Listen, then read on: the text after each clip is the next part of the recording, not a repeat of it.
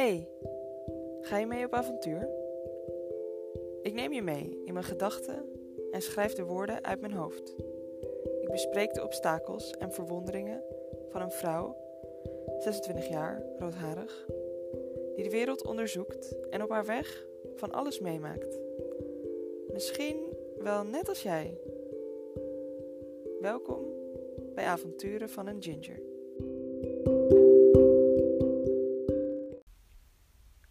Verliefdheid. 29 november 2020. Hey, hoe is het? Klaar om een beetje te gaan dansen? Dansen tussen woorden, buiten regels, los van tijd. Ik heb een stukje geschreven over verliefdheid. Speciaal voor jou. Ben je wel eens verliefd geweest? Ik heb het geluk dat ik al meerdere malen verliefd heb mogen worden. En ja, wat is het mooi. Eerlijk, ik krijg meteen een glimlach van op mijn gezicht. Ik ben benieuwd waar jij nu heen gaat met je hoofd. En of je een vleugje van dat gevoel kunt voelen. Trek je dansschoenen maar aan, want er komt een dans met 13 pasjes. Verliefdheid. Het is een lichte energie die je optilt en doet zweven. Misschien ben je op dit moment verliefd. Of misschien kun je het je nog wel goed voorstellen. En als je het nog nooit mee hebt mogen maken, ga ik proberen je dit toch te laten voelen. Eens kijken of je terug kunt gaan naar een moment dat je die verliefde gevoelens had. En als je dit nog nooit hebt meegemaakt, misschien kun je dan voorstellen hoe het zou voelen of je meest euforische moment erbij halen. Je mag je ogen dicht doen. Waar ben je op dit moment van die herinnering? Wat zie je om je heen? Wat heb je aan? Is het overdag of s'nachts? En wie is de gelukkige? Welke gedachten gaan er door je hoofd? Of wordt juist alles heel stil en kijk je vol verwondering? Wat voel je?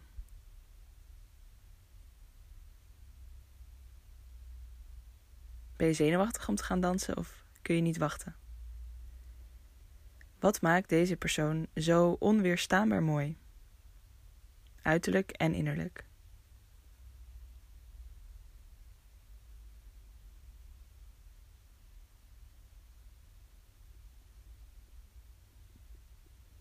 Ik vind het wel leuk hoor, verliefd zijn. Jij? Er was eens een jongen en die vertelde mij best lang geleden dat hij verliefdheid afschuwelijk vond. Ik begreep daar niks van, maar nu begrijp ik denk ik wat hij er lastig aan vond. Je verliest toch wel een beetje de controle en volgens mij had hij daar wat moeite mee. Maar om nou te zeggen dat het afschuwelijk is. Je overgeven aan verliefdheid kan eng en verwarrend zijn. Eens. Opeens voel je van alles. Ben je zenuwachtig, krijg je geen hap door je keel. Maar als je je eraan bloot durft te geven, wordt het een hele leuke dans. En ja, er zijn ook zeker mindere kanten ervan. Maar laten we het eens van de leuke kant bekijken. Het is alsof het lente is van binnen en het verlangen is voelbaar in elke vezel van je lichaam. Voel je het misschien een beetje? Ik zoek wat op het internet, het internet, en ik kom het leuks tegen. 13 psychofysiologische kenmerken van verliefdheid vanuit de wetenschap. Een artikel uit 2002.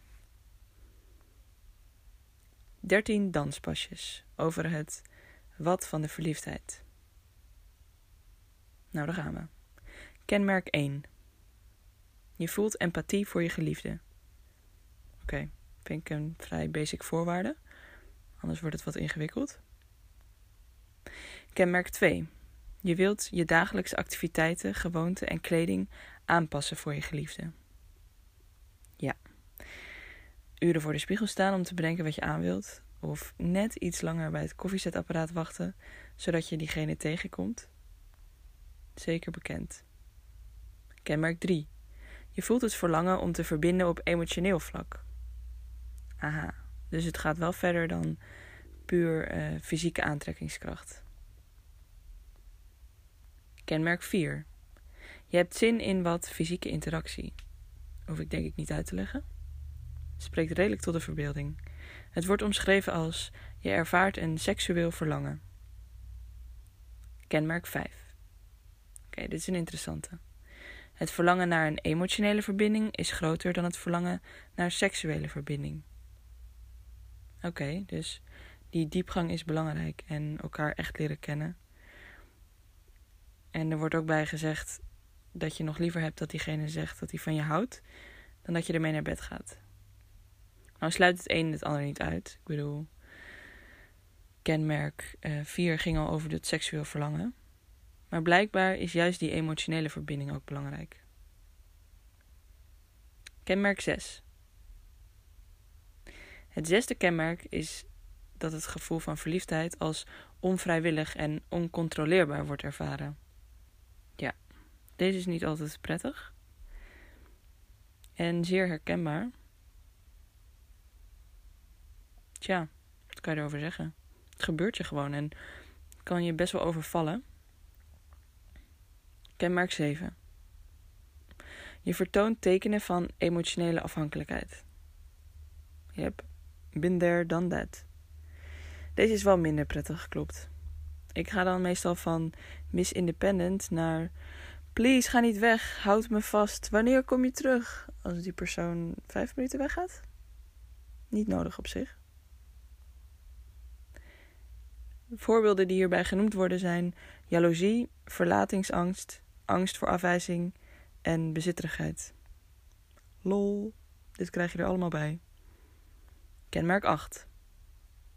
It's not forever. Oh ja, jammer.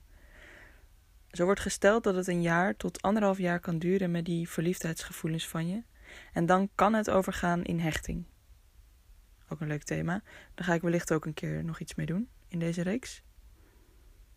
Uh, maar voor meesten ook wel bekend, denk ik. Je bent in het begin mega verliefd en later neemt dat af. Oké, maar kan het ook weer terugkomen?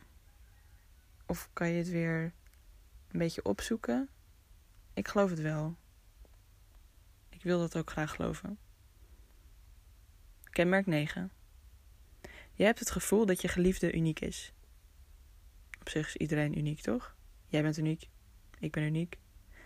Lekker met z'n allen uniek. Maar goed, in dit geval, ik snap het. Het is je special snowflake.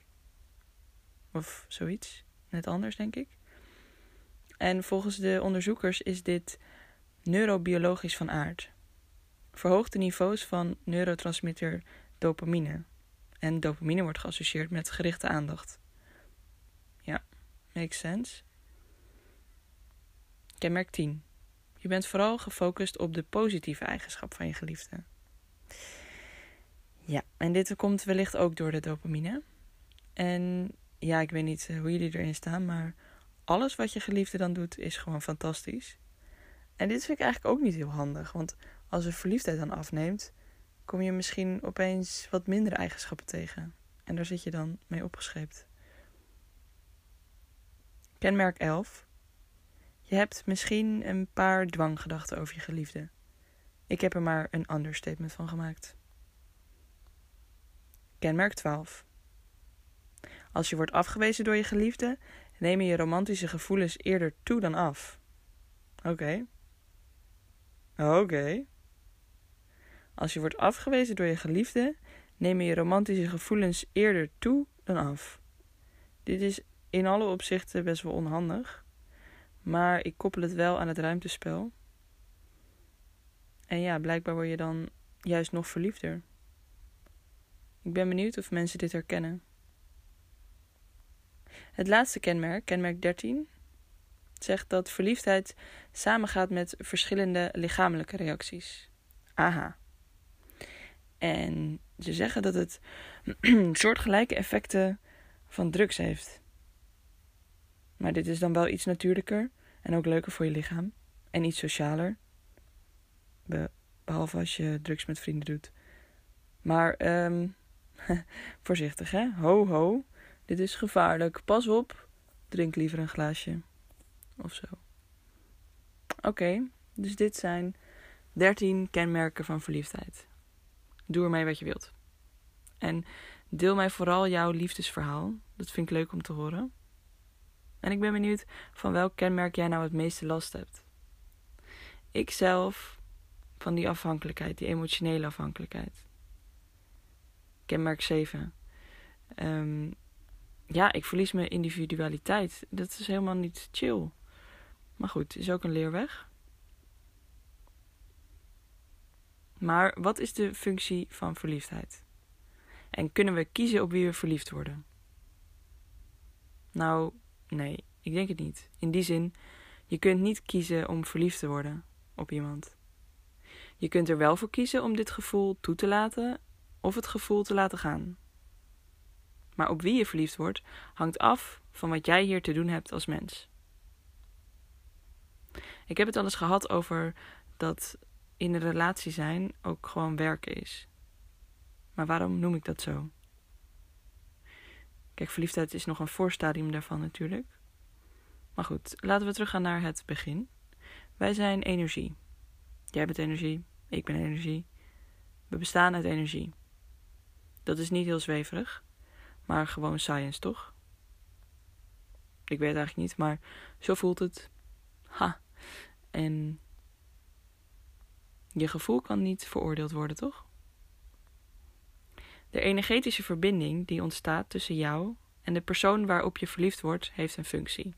Let op. Namelijk dat ene stukje jij dat wakker wilt worden, wordt gereflecteerd in de ander. Denk eens aan de persoon op wie je verliefd bent of bent geweest. Welke eigenschappen heeft die persoon die jij zo mooi vindt?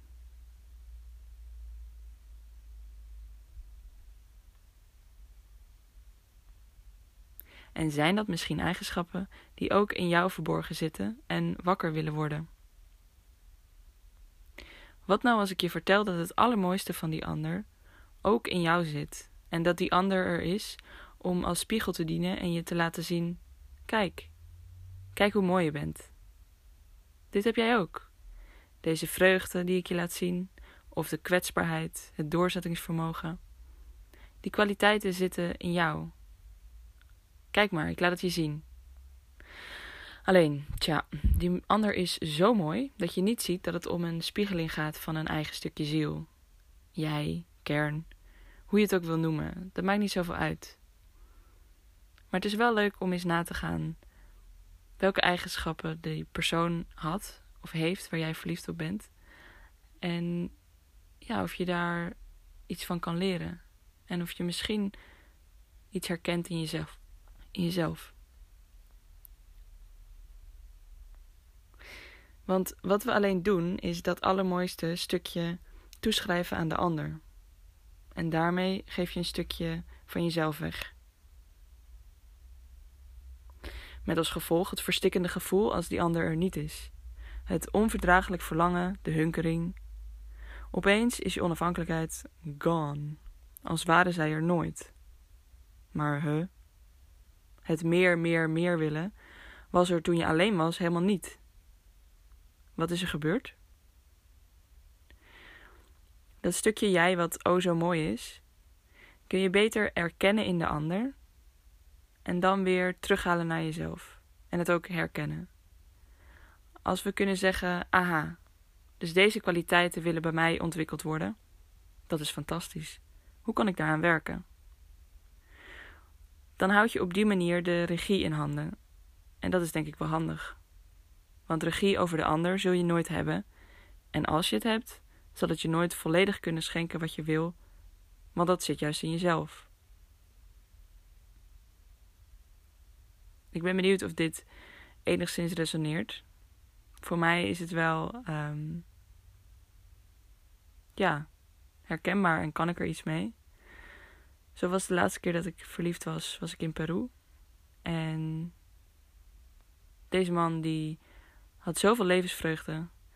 En dat wilde blijkbaar weer in mij een beetje wakker worden. En ik heb het dus niet alleen maar aan hem toegeschreven dat hij dat heeft, waardoor ik hem ook ontzettend zou gaan missen. Maar ik heb ook ingezien dat dat stukje ook in mezelf zit. En dan kan je het meenemen. En dan kan je zelf ook nog zo bekijken dat een stukje van die ander in jou zit. En dat dat altijd bij je is. Het is maar net hoe je ernaar gaat kijken en naar wilt kijken. Maar goed, op deze manier ernaar kijken is natuurlijk best wel ehm, anders voor sommigen, denk ik.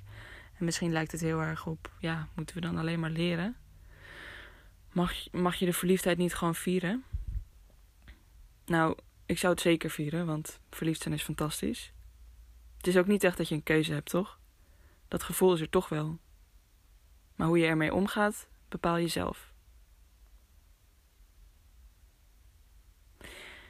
Ik sluit af met een tip waarvan je vlinders in je buik krijgt en een glinstering in je ogen. Het liedje Sterrenstof van de jeugd van tegenwoordig. Natuurlijk. Heel veel liefs. Ginger.